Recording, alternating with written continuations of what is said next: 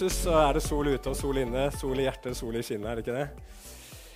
Ok, jeg har uh, lyst til å uh, avslutte den serien vi begynte på rett før uh, sommerferien, som vi har kalt for Illustrert fellesskap, som handler om de bildene som Bibelen bruker på å illustrere det kristne fellesskapet, illustrere hva menighet er for noe. og i dag har jeg Skal vi se står det, Der står det feil. da. Det skulle stå 'Kristi brud'. En eller annen så skrev jeg 'Kristi kropp'. Tydelig at ferien sitter litt i. Eh, hvorfor ikke fikse det med en gang? Det går jo fort, det. Skal vi se. Eh, sånn Ja, der var den. Nei. Sånn, ja. Nå står det riktig. I dag skal vi snakke om menigheten som Kristi brud. Og for de av dere som har levd noen år, så er jo det et uttrykk som har fått litt sånn uh, usunn klang i uh, de nordiske landene pga. en menighet i Sverige, i Knutby. En menighet som gikk av skaftet så det holdt, og hvor de bl.a. mente at en kvinne i den menigheten var Kristi brud. og Det fins flere dokumentarer om dette. her. De har til og med laga en TV-serie nå, har jeg sett, om eh, Knutby-tragedien. Og Det var jo utrolig tragisk, og det er mye å si om det. Men dette uttrykket, altså Kristi brud, det er ikke noe som de fant på. Det er noe som Bibelen er full av. Og Kristi brud er ikke en enkeltperson, men Kristi brud, det er oss. Guds menighet, Guds folk. Og han, han, Gud, Jesus, han er brudgommen. Og det fins mange flotte sanger om at han er vår brudgom, jeg er hans brud. Det fins mange flotte sanger om at vi en dag skal få feire bryllup i himmelen. Men det er ofte litt sånne gamle sanger. Så for de som er litt yngre, så kan det her tenkes som en litt sånn gammeldags greie. Det er liksom noe for de eldre. Men, men dette her er noe av det flotteste egentlig av bilder som Bibelen gir oss på forholdet mellom Gud og mennesker. Og det er noe som er høyaktuelt for oss alle sammen, og som vi trenger å få innsikt i. For det handler om at Gud ønsker å fylle ethvert menneskes dypeste behov. Møte oss på en måte som, eh, som vi bare får et glimt av her nede. Og at han ønsker å forandre oss og forvandle oss. Og Det skal vi se på i dag. og Vi skal gå ut ifra andre korinterbrev. Så har du med deg Bibelen. Så kan du slå opp der i kapittel 11. Og så skal vi lese fra vers 2 til 4. Andre Korinterbrev 11, vers 2 til 4.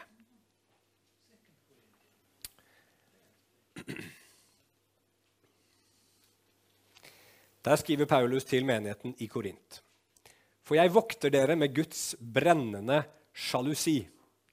Jeg har lovet dere bort til Kristus og bare til ham for å føre dere til ham som en ren jomfru.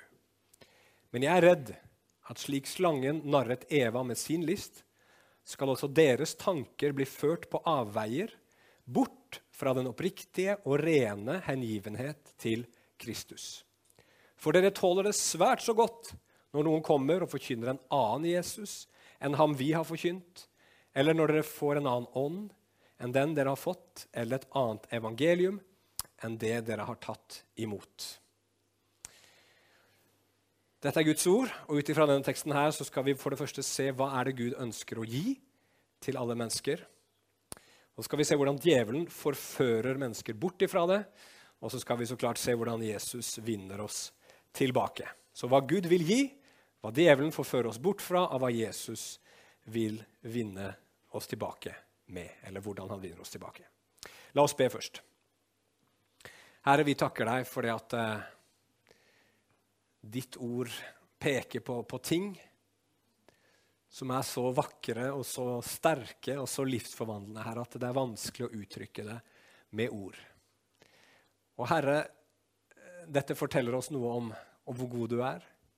Men det er også en utfordring Herre, å få formidla det på en god måte. Så Herre, hjelp meg nå til å la dette bli forståelig, bli ånd, bli liv, bli en virkelighet i våre liv, bli noe som, som får den livsforvandlende kraften Herre, som du hadde tenkt du skulle ha. Herre, det klarer ingen av oss i vår egen kraft, så Herre, gjør du verket. La de rette ordene komme ut av min, min munn, Herre, og la eh, din ånd virke i hvert enkelt hjerte. I Jesu navn vi ber. Amen. Ok, Så hva er det Gud vil gi til alle mennesker? Paulus, I den teksten som vi leste nå, så står det at han hadde lova bort menigheten i Korint til Jesus. En del litt eldre oversettelser bruker uttrykket 'trolovet'. 'Jeg har trolovet dere med én mann', står det i veldig mange bibler.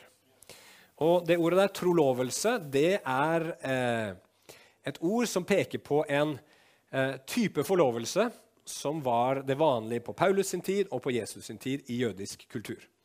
Og En trolovelse det var på veldig mange måter eh, som, nesten som å gifte seg.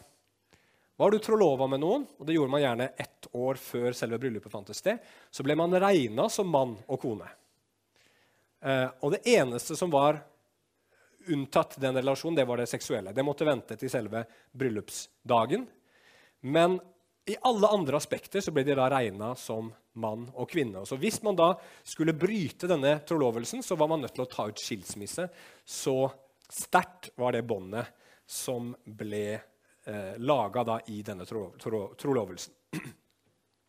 Så når Paulus sier at vi som er kristne, vi er trolova med Kristus, så betyr det at vi er så godt som gift med han at en dag så kommer det et bryllup som vi skal feire med han. Og Da kan vi tenke ok, ja vel, hva betyr dette her? Hva betyr at vi er gift med Kristus, eller skal ha et bryllup med Kristus? Hva betyr dette her? Eh, og Da vil jeg først peke på en ting, og det er at Bibelen den er full av henvisninger til ekteskap. Bibelen begynner med et ekteskap, og den avsluttes med et ekteskap. Eh, den begynner med Adam og Eva som møter hverandre. Og så eh, ser Adam Eva for første gang, og han uttrykker glede. 'Dette er bein av mine bein og kjøtt av mitt kjøtt.' Det var hans måte å si at han elska Eva på. Ikke sikkert det funker like bra for kona i dag hvis du prøver det. Kan se. Men i hvert fall så, så sier Gud da at mannen skal forlate sin far og sin mor, og de to skal være ett kjøtt. Som er et uttrykk for den pakten som ekteskapet er. Så ser vi gjennom hele Det gamle testamentet at Gud kaller Israel til å bli sitt folk, men også til å bli sin brud. Han kaller seg selv for Israels ektemann. Og Når vi kommer helt til slutten av Bibelen, i Johannes' åpenbaring kapittel 19, så får vi høre om lammets bryllup. Lammet som gifter seg med sin brud, med menigheten som har gjort seg klar, og som venter på sin brudgom. Her er det ekteskap og ekteskap og ekteskap. Det bildet brukes om og om igjen i Bibelen. Hvorfor det? Hvorfor begynner ikke Bibelen bare med ordet kjærlighet og slutter med ordet kjærlighet? Nå finner du mye om kjærlighet i Bibelen òg, men det er liksom som om det er ramma inn ikke i ordet kjærlighet, men i ordet ekteskap i begynnelse og slutt. Hvorfor i all verden bruker Gud det bildet?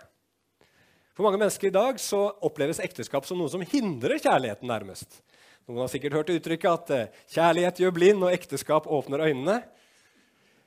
Eh, og Jeg møtte en mann for en god del år tilbake som var samboer. og han mente at, eh, og Jeg liksom prøvde å hinte fram til at det kanskje var en god idé å gifte seg. De hadde et barn sammen og alt mulig. Men han sa nei, nei, nei, hvis vi gifter oss, så kommer liksom vi til å ta hverandre for gitt. Og da er det slutt på romantikken og det er slutt på kjærligheten. Det er vel ikke noen overraskelse å si at det forholdet der dessverre ikke gikk så veldig bra. For mange mennesker i dag så tenker man også på ekteskap som noe unødvendig. Altså Hvis vi virkelig elsker hverandre, så trenger vi da ikke å inngå denne pakten, signere denne kontrakten. Det er jo helt fullstendig unødvendig. Men for Gud så er det på ingen måte sånn. For Gud så er ekteskapet noe som virkelig gjør kjærlighet til kjærlighet. For å ta et litt sånn enkelt eksempel, det var det beste jeg kom på i min menneskelige svakhet. da. Eh, men hvis du skal selge et hus, og det kommer en potensiell kjøper, og han sier 'Jeg elsker dette huset'. Fantastisk flott hus. Dette var et nydelig hus. Vi, vi elsker det. Vi vil ha det. så vet du ikke at det er alvor. Den, den, den, den, kjærligheten til dette huset vet du ikke at det er alvor før de faktisk signerer kontrakten og kjøper det. Da vet du at den kjærligheten var ekte, da, for å bruke det bildet. Og sånn er det med andre ord at hvis du virkelig elsker noen, hvis du virkelig er glad i noen, da uttrykkes den kjærligheten ved å binde seg til den man elsker. Og det er jo det ekteskap er. ikke sant? Det er å si at 'jeg vil være ett med deg' så lenge dette livet varer. I tykt og i tynt, når det går bra, når det går dårlig, når vi er rike, når vi er fattige. Jeg elsker deg så mye at jeg vil binde meg til deg. Det er essensen i ekteskapet. Men det er jo mer enn en kontrakt òg. Det handler jo ikke bare om at man har signert et papir. Nå er vi gift, liksom, nå er alt i orden. Nei, dette her er på sitt beste. Når ekteskap fungerer som det skal, så fins det der en dyp enhet mellom en mann og en kvinne. Det fins en dyp kjærlighet, det fins en dyp hengivenhet. Det fins noe som er så vakkert at hvis det er en, et emne, et tema, som går igjen i alle historier som har blitt fortalt opp igjennom eh, i alle kulturer, så er det den historien at en mann og en kvinne som finner den sanne kjærligheten, og som gifter seg og lever lykkelig alle sine dager. Men alle som har gifta seg, de vet at ekteskapet er litt sånn som en McDonald's-reklame. For at Når du går på McDonald's og skal kjøpe hamburger og ser på plakaten og velger en av de flotte, eh, attraktive hamburgerne som er der, med sprø salat, og du ser alt er luftig og fint og, og liksom, Det er noe bare noe sånn innbydende vakkert over det. Og så bestiller du, betaler, og så får du denne her boksen, åpner oppi, og åpner opp den, og oppi der så ligger det noe som Du ser at det skal være det som er på, på, på plakaten, men allikevel så er det et eller annet som ikke er helt likt. da. Det er ikke så vakkert og så fint. Og når man gifter seg, så kan det kanskje være litt sånn òg. At vi liksom bare åh, dette blir bra. Men så har man da gifta seg med en egoist. Og så har den andre gifta seg med en egoist også. Og sånn sett så, så, så, blir liksom ikke ekteskapet helt det som det var ment det skulle være. Men det er også sånn at det ligger noe guddommelig i det. Fordi at ekteskapet er til syvende og sist bare et skilt som peker på noe annet. Det, det, det, det er en, ref, en, en, refleksjon av noe som er vakrere og noe bedre. Ikke, og, det er ikke selve destinasjonen. Du, du, det er liksom ikke meninga med livet å bli gift, heldigvis. Ellers hadde jo det vært, det vært trist for oss alle sammen. Selv om det er veldig bra og mye bra med ekteskapet. Jeg skal ikke prøve å snakke det ned, altså. Men vi må ha en viss realisme, da. Og det er ikke sånn at Når du kommer til Nærbø-skiltet som ligger nede ved fylkesveien her nede, da har du kommet til Nærbø. Ikke sant? Det er et skilt som viser deg veien hvor Nærbø ligger, sånn at du kan komme dit. Og ekteskapet på samme måte er et skilt som peker på noe. Det er noe vakkert i det, men det er ikke fullkomment. Det peker mot det fullkomne. Og hva er det? Jo, det er det dype, bindende kjærlighetsforholdet som Gud vil ha med deg og meg. Og Det her er ganske utrolig, og du finner ikke det i noen annen religion at Gud, skaperen av himmel og jord, han har ikke bare lyst til å være konge over oss og regjere over oss, men han ønsker å være vår ekte mann. Han ønsker å ha oss som sin brud. Han ønsker å ha det intime fellesskapet med oss som vi får et glimt av i ekteskapet. Og der er det på en måte motsatt av det du ser her.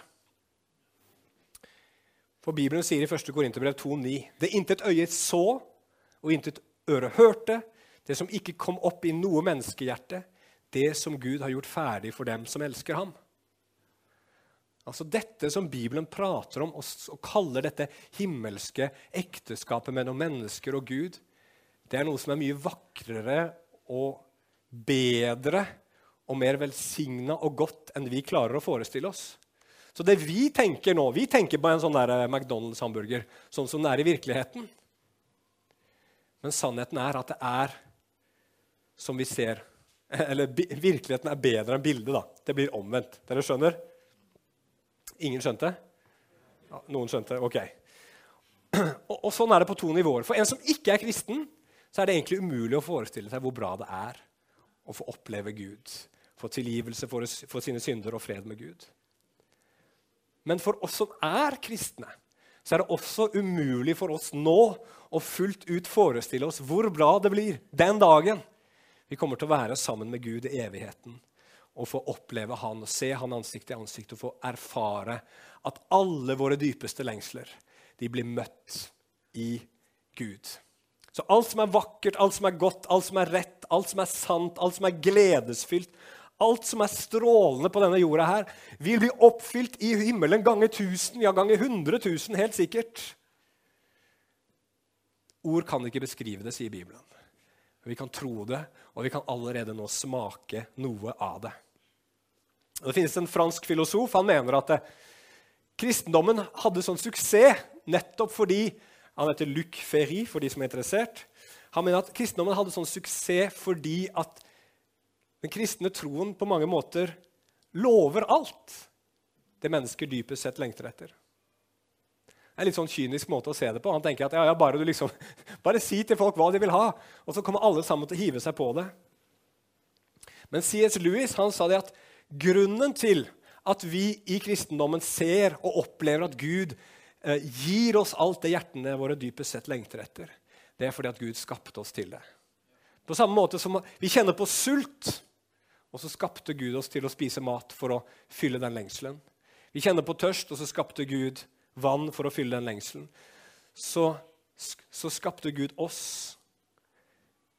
til å lengte etter Han, slik at Han kunne fylle den lengselen.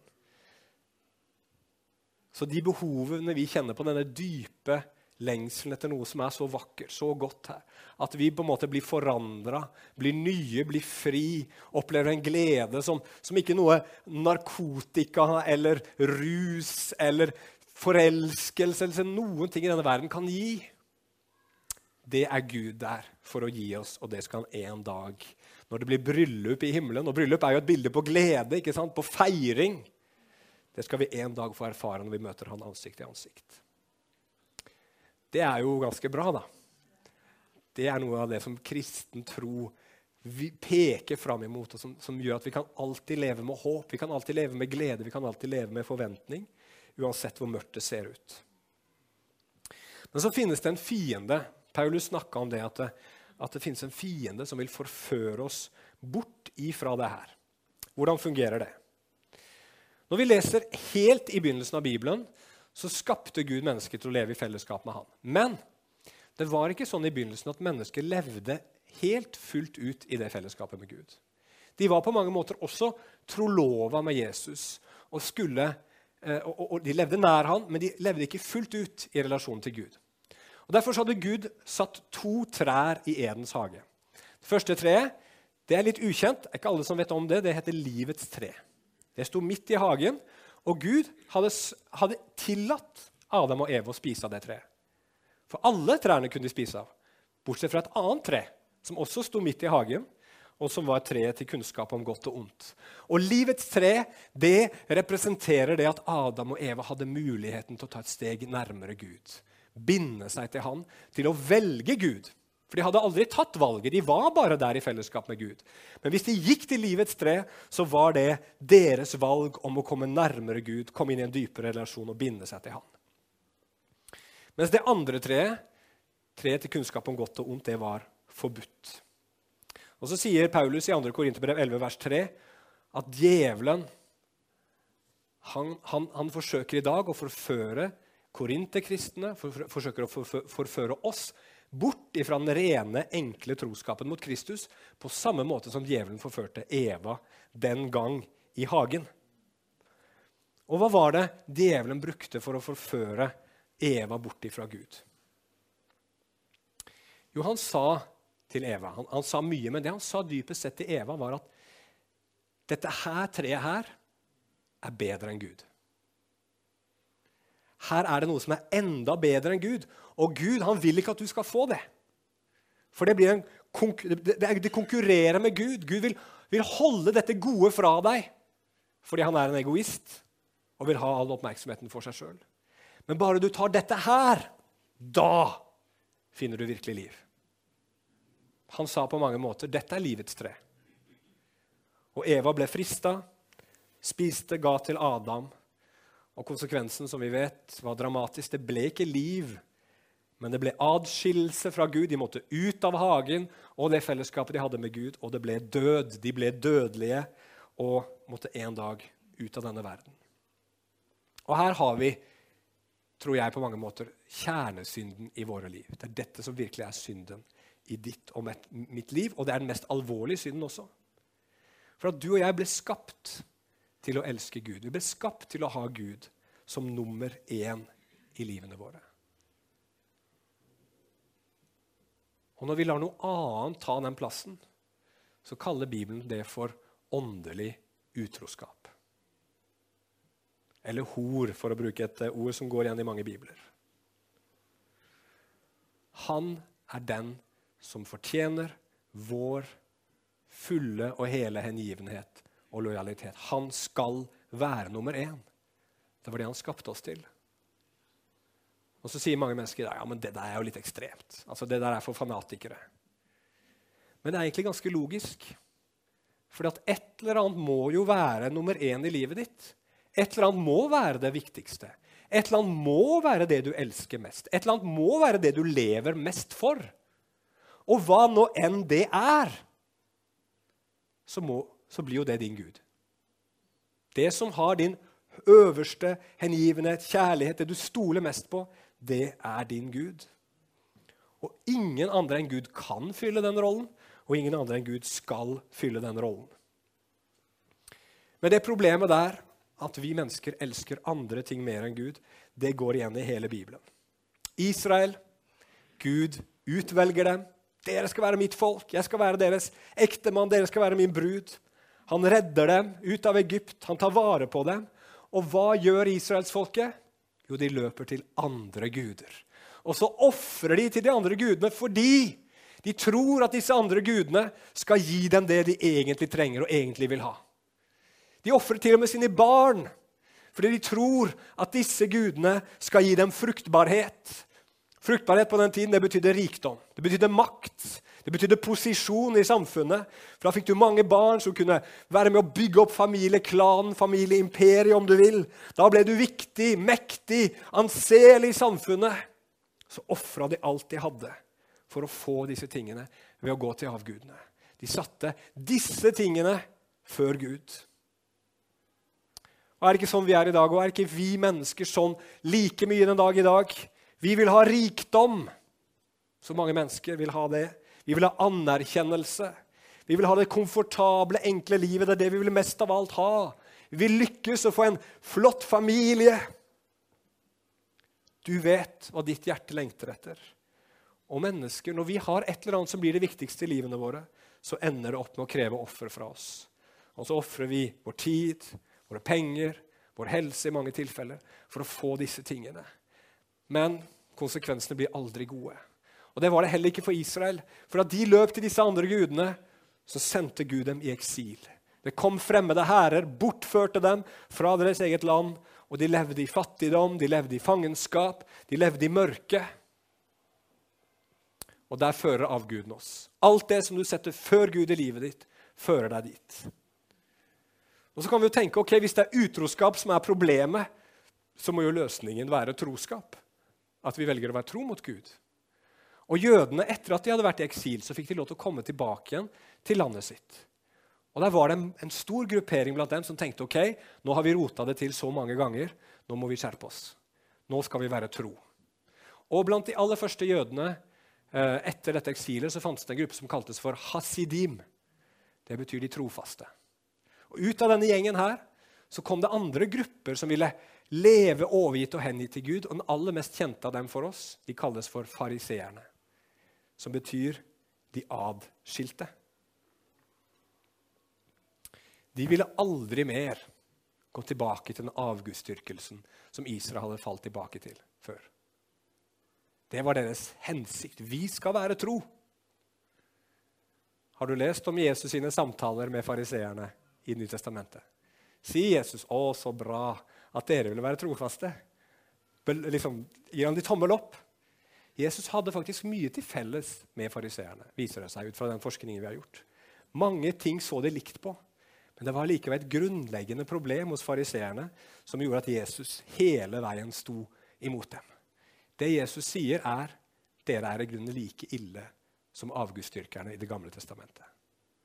Hvorfor det? Jo, fordi de også elska andre ting høyere enn Gud. De ville ha ære av mennesker og ikke av Gud. De ville ha anerkjennelse. Det var det viktigste for dem. De ville ha rikdom. Det leser vi tydelig og klart. De ville ha det evige livet. De ville ikke dø. Men det de gjorde, det var at de behandla Gud som en avgud. De kom til Gud og sa de, Gud, se her på mitt moralske, gode liv. Dette her koster meg noe. Jeg ofrer masse for å leve rett og godt sånn som du vil. Nå, Gud, skylder du meg å gi meg anerkjennelse, gi meg rikdom, gi meg det mitt hjerte lengter etter. De ærer meg med leppene, sier Jesus, men hjertet deres er langt borte fra meg. Det de ville ha, var ikke Gud. Det de ville ha, var det Gud kunne gi. De var som oss alle sammen. De var dypt nede i åndelig utroskap. Og Det er problemet vårt. Dere. Det er mitt problem, det er ditt problem. Det er det grunnleggende problemet vi alle sammen går med, og som alle andre synder kommer ut ifra. Vi er utro mot vår skaper. Og Det er dobbelt alvor i det. For det første så, så knuser det og bryter det Guds lov. Utroskap straffes med døden i Det gamle testamentet. Det gjør uren, du blir kasta ut, du blir avskåret fra gudsfolket. Men det som er enda mer alvorlig, som vi ikke ofte tenker på, kanskje, men som du ser så tydelig i Det gamle testamentet, det er at denne åndelige utroskapen den bryter Guds hjerte. Se på Gud i Det gamle testamentet. Han er sorgfull. Han har smerte. Han blir sint. Han kjenner seg knust. Han er såra. Han har det vondt. Og Gud han er høyere enn oss. Han er ikke på en måte sånn som oss på ett vis. Men på et annet vis så er det at Gud har valgt å elske oss, noe som har gjort han sårbar. Og fordi vi har vendt Gud ryggen, han som vi skulle elske av hele vårt hjerte, så har han all rett til å forkaste oss fullstendig. Gud gjør ingenting feil, han gjør alt rett. Og Så kommer vi til det aller siste punktet mitt. Hvordan er det Jesus vinner oss tilbake?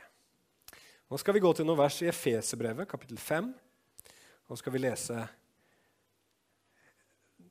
noen vers fra en sånn hustavle, som det kalles. Altså noen instruksjoner til menn og kvinner, eller menn og koner. Efeserbrevet 5, 25-27, der står det Dere menn, elsk konene deres, slik Kristus elsket kirken og ga seg selv for den. For å gjøre den hellig og rense den med badet i vann i kraft av et ord. Slik vil han selv føre kirken fram for seg i herlighet, uten den minste flekk eller rynke. Hellig og uten feil skulle den være. Hva gjør Gud med oss utro mennesker? I eh, Johannes' åpenbaring kalles verden uten Gud for skjøgen, den prostituerte. Det er liksom bildet på oss mennesker som har vært utro imot Gud. Hva gjør Gud? Dere kjenner kanskje historien om Hosea i Det gamle testamentet. Har du ikke lest den historien, så les den. Hosea var en profet som Gud befalte å gifte seg med en utro kone. Eller utro kvinne, da. For å illustrere Guds kjærlighet til Israel på tross av Israels utroskap. Og Det som er utrolig i de versene som vi leser her, det er at Gud, idet han oppfordrer ektemenn til å elske sine koner, forteller at ektemenn, kristne ektemenn skal gjøre det fordi Jesus elska sin menighet. Han elska de som ikke kjente han, men som en dag skulle komme til tro på han. De som var i åndelig utroskap. Allikevel, på tross av sin utroskap. Bare tenk på hvis noen hadde vært Tenk på de som har virkelig såra, svikta, skuffa deg og gjort noe ondt mot dem. Er det lett å elske dem? Nei, du kjenner på alle mulige andre følelser. Men kjærlighet, det er en vanskelig følelse da. Men her står det at han elsker, og ikke bare at han elsker, men at han kommer nær. Gud kommer nær til oss i Jesus. Altså, Vil du nær til den som har svikta deg? Vil ikke du bare få den, den, den som har såra deg, vil du ikke få den personen bare ut av livet ditt? Vekk! Du orker ikke å se, du orker ikke å tenke på de som virkelig har svikta deg. For det bringer opp så mye vondt. Men Gud kommer nær til oss i Jesus. Og Her merker vi et skifte i Det nye testamentet. I Det gamle testamentet så er det Gud som er brudgommen. I Det nye testamentet så er det Jesus. Jesus kaller seg sjøl for brudgommen ved flere anledninger. Som bare forteller oss at Gud ble menneske i Jesus Kristus. Og ikke bare kommer han nær på tross av at vi har vært åndelig utro mot han, men han gir seg selv for sin menighet, står det her. Han gir seg selv for oss, og det handler jo så klart om korset. Hvor Jesus går til korset og dør den døden vi fortjente pga. vårt åndelige utroskap. Han ble straffa fordi vi fortjente døden. Han tar straffen, han tar konsekvensene. Han blir avskåret, han blir forkasta. Selv om det fantes ingen utroskap i han.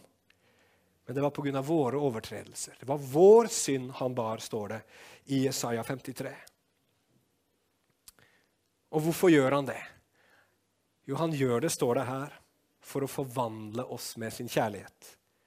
For å gjøre hans menighet hellig, for å rense den, for å stille den fram i herlighet, uten flekk, uten rynke, hellig og uten feil. Han renser den, står det her, badet i vann, eller gjennom vannbadet i ordet. Et merkelig uttrykk. Hva i all verden betyr det? Jeg leste et par kommentarer som, som, som mener at det, eh, det, henviser rett og slett til noe, noe så enkelt som Guds ord og dåpen. Hvordan blir du rensa? Jo, du blir rensa ved å høre evangeliet om Jesus Kristus, og så ta det imot. Og hvordan forteller Bibelen oss at vi tar imot evangeliet om Jesus Kristus? Jo, det bibelske uttrykket på det er en bekjennelse med munnen, en tro i hjertet og en dåp i vann. Hvor du bekjenner for, for, verden at 'jeg tror på Jesu død', 'jeg tror på Jesu oppstandelse'. 'Jeg tror at jeg dør med Han, jeg tror at jeg står opp med Han'. Og i alt dette her så får du en renselse som gjør deg til en verdig brud for Jesus. En verdig brud som kan få lov til å gå inn i bryllupet og nyte det evige fellesskapet med Han. Og det står så nydelig, syns jeg, i, eh, i Johannes' åpenbaring at det er lammets bryllup. Vi gifter oss med lammet. Vi gifter oss med Han som ga seg selv som et offerlam for oss for å gjøre oss til en verdig og ren og hellig og fullkommen brud for ham. Dette her ønsker Gud å gi alle mennesker, men så finnes det en fiende som vil stjele dette fra oss. Er du ikke en troende, så vil, Gud, eh, så vil djevelen stjele dette fra deg, hindre deg å få det som Gud vil at du skal få. Er du en troende, så står det også klart og tydelig i Bibelen at at uh, djevelen vil forsøke å rive dette fra deg, det som Jesus har gitt deg. Og det står i 2. Korinterbrev 11, vers 3, at våre tanker kan bli ført på avveier, bort fra den oppriktige og rene hengivenhet til Kristus. Og vi skal avslutte med det. Hva handler dette her om? Hva er denne rene, enkle hengivenheten? Hvis du går og ser litt på gresken der, så, så, så fins ikke ordet 'hengivenhet' der. Det er noe som man har lagt til. Ordet ø, 'oppriktighet' er kanskje best oversatt med 'enkelhet'. Og Ordet 'ren' er også noe som man er litt i tvil om sto der i det opprinnelige dokumentet. Så la oss si at det bare sto 'enkelhet', for enkelhets skyld. Hvordan er det djevelen vil få oss bort ifra alt det som Gud har tenkt å gi oss? Jo, ved å få oss bort ifra enkelheten i Jesus Kristus. Og Du ser det så klart i vers 4. En annen Jesus. Han vil lure deg inn til en annen Jesus, en annen frelser. En annen ånd, et eller annet som skal gi deg liv. Et annet evangelium, et annet budskap. enn det ene, enkle evangeliet om Jesus Kristus. Bare se på Jesus. Det er det vi trenger å gjøre. Holde fast ved han. Vil du være med på bryllupsfesten? Vil du ha alt dette som vi har prøvd på en eller annen måte å gjøre tydelig og levende for oss her i dag? Vil du ha det, så se bare på Jesus. Vær veldig enkel i forhold til Jesus som din frelser og som din herre. Se på Jesus som din frelser. Hva betyr det? Jo, det handler om å se at bare han kan gjøre deg ren. Bare han kan gjøre deg god nok for Gud. Bare han kan gjøre deg til en fullkommen brud som får adgang til himmelen. Hvis du gjør som fariseeren og tenker at på en eller annen måte skal nok jeg klare å bli god nok, så får du blikket ditt bort fra Jesus og over på deg selv. Da begynner det plutselig å handle om deg. Er jeg god nok? Er jeg god nok? Er jeg god nok? Og så begynner livet ditt å handle om helt andre ting enn om han. Men du og jeg, vi må holde den enkelheten i våre hjerter. Jesus er nok. Jesus er nok. Jesus er nok, så ikke tankene våre blir ført på avveier. Og så må vi se på Jesus som Herre.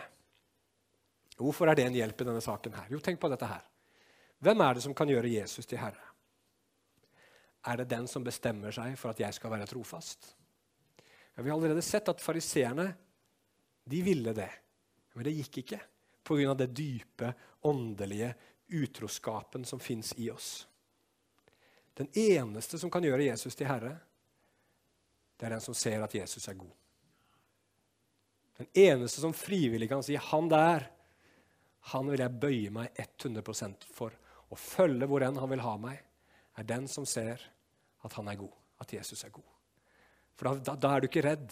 Da frykter du ikke for å gi livet ditt fullt og helt til han. Og Hvordan kan du se at Jesus er god? Du kan se at Jesus er god fordi det fins ingen som kjenner deg sånn som han. Ingen ser inn i dybdene av ditt og mitt åndelige utroskap som Jesus. Han vet nøyaktig hvem du er. Alt det du har klart å skjule for andre mennesker, det du kanskje skjuler for deg selv også, det mørkeste, det dypeste, det mest skamfulle, det ser han. Vet han om. Og så går han allikevel til korset for deg og meg, fordi han elsker oss. Det er ikke av tvang, men det er av fri vilje i kjærlighet for deg og for meg. Finnes det en som er så god på denne planeten her? Finnes det en som er så god i hele universet? Nei, han er tvers igjennom god.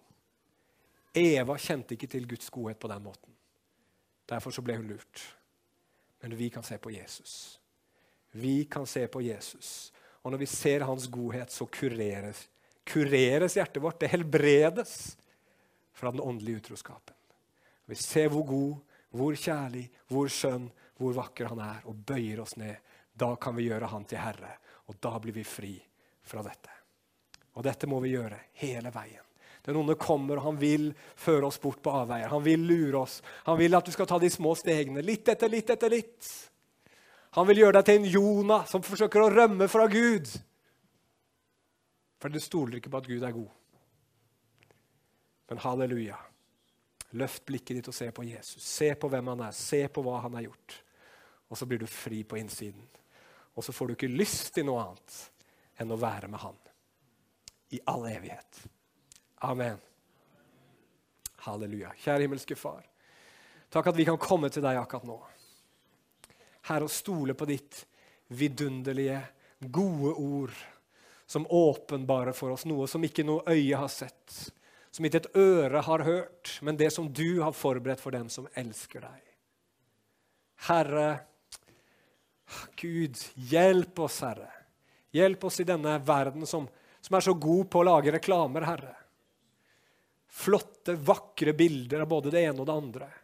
Som ser så fint ut, som ser så flott ut som er designa for å spille på alle strengene i våre hjerter. For å få tak på våre penger, for å få tak på vår oppmerksomhet, for å få tak, få tak på våre hjerter. Hjelp oss som lever i denne tiden, Herre, til å feste blikket på deg, Jesus. Til å være enkle i vår hengivenhet til deg, Jesus. Til å stole fullt og helt på det du har gjort, og la det få fylle våre hjerter dag etter dag fylle vårt blikk, fylle våre tanker Bli det vår fantasi handler om, som vi drømmer om, Herre. Som vi lever for, som vi putter inn i hjertene våre, Gud. Herre, vi ber om det i Jesu gode navn. Halleluja. Amen.